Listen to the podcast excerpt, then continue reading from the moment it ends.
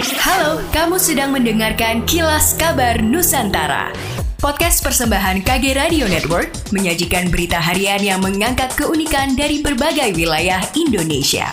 Kilas Kabar Nusantara dapat juga didukung oleh pengiklan loh. Sedang merintis bisnis baru atau ingin belajar lebih tegar dalam menghadapi tantangan bisnis? Jangan sampai ketinggalan setiap episode terbaru dari podcast Smart Inspiration ya. Persembahan Smart FM, part of KG Radio Network. Hasil kajian dan rekomendasi teknis kaji cepat banjir pada daerah tangkapan air atau DTA Barabai disampaikan secara resmi oleh Pemprov Kalsel pada rapat yang digelar di Kabupaten Hulu Sungai Tengah beberapa waktu lalu. Kepala Dinas Lingkungan Hidup Kalimantan Selatan Hanifah Dwi Nirwana menjabarkan ada empat rencana aksi yang ditawarkan untuk mengurangi dampak banjir dan strategi pengamanan lingkungan hidup di Subdas Batang Alai Kabupaten HST, yaitu mengurangi luas genangan, mengurangi potensi kerugian ekonomi, menghilangkan korban jiwa, dan pengamanan lingkungan hidup berbasis ekoregion. Implementasinya dengan melakukan tindakan vegetatif, yaitu menanam pohon yang mampu menyerap air dalam jumlah besar, menanam pohon endemik, serta pemilihan vegetasi fast growing.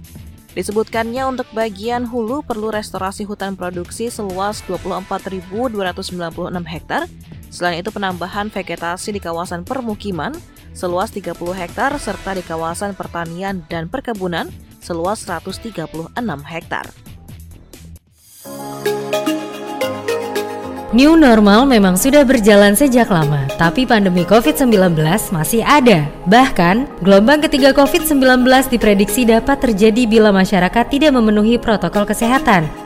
Untuk mencegah terjadinya gelombang ketiga COVID-19, berikut hal yang harus kita perhatikan dan lakukan.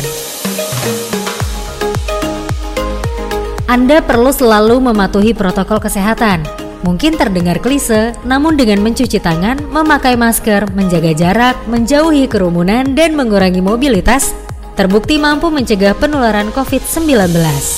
Pesan ini dipersembahkan oleh Sonora FM 92 Jakarta, part of KG Radio Network. Demikianlah kilas kabar Nusantara pagi ini.